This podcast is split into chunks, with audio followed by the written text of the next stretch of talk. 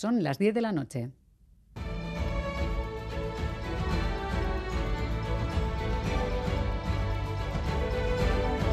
Radio Euskadi.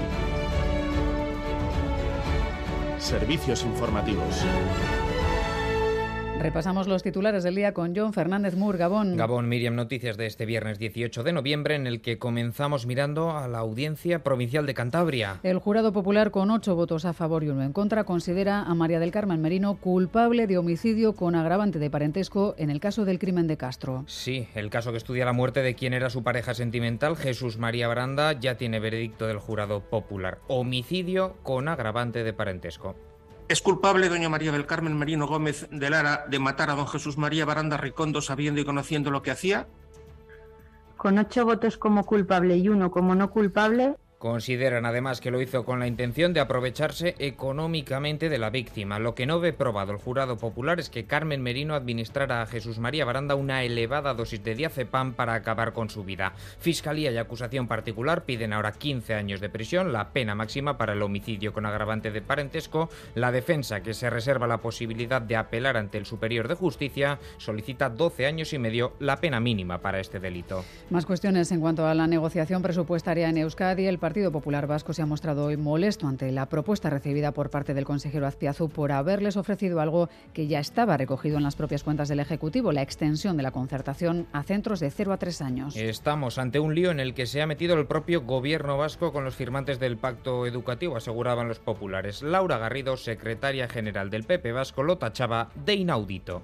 No es serio que en un planteamiento en el que nosotros planteamos una serie de demandas se nos ofrezca como una posible propuesta programática y de contenido para, para introducir en los presupuestos algo que se ha reconocido que está, que está ya incluido en los propios eh, presupuestos del ejercicio 2023. Solicitaremos una aclaración expresa sobre este punto y sobre todo hasta dónde está dispuesto a ir el Gobierno vasco.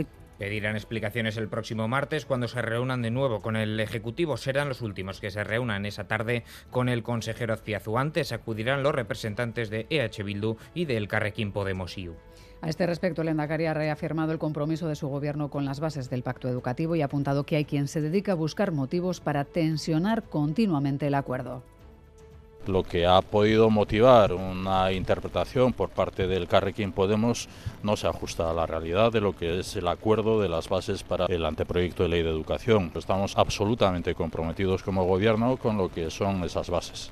La ley del CSI sigue llevando condena, condenas a revisión. En Guipúzcoa ya son dos, una por la violación a una menor en Zarauz durante las fiestas de 2017. La Fiscalía, como ayer adelantamos aquí en Gambara, ha informado en contra de la reducción de la pena. El otro caso, el del tatuador condenado a nueve años de cárcel por agredir sexualmente a varias clientas. El Tribunal Superior de Justicia de Navarra cuestiona que se puedan quitar los conciertos a aquellos colegios con educación diferenciada por sexos. Concretamente a dos colegios del Opus que en Pamplona dividen a los niños en un centro y a las niñas en otro. El Tribunal de Navarra deja la decisión en manos del Constitucional y suspende el procedimiento en marcha. Es el primer tribunal que eleva esta consulta al Constitucional y, por tanto, serán estos magistrados los que decidan sobre este punto de la LOMLOE, si mantienen la coeducación obligatoria que exige la ley o, en cambio, permiten que los colegios concertados puedan separar por sexos. Euskara al día marchanda. Y se ha sentido hoy tanto en la calle como en las instituciones vascas, entre ellas el Parlamento. Entre los participantes que se han unido a la iniciativa, mucha ilusión y compromiso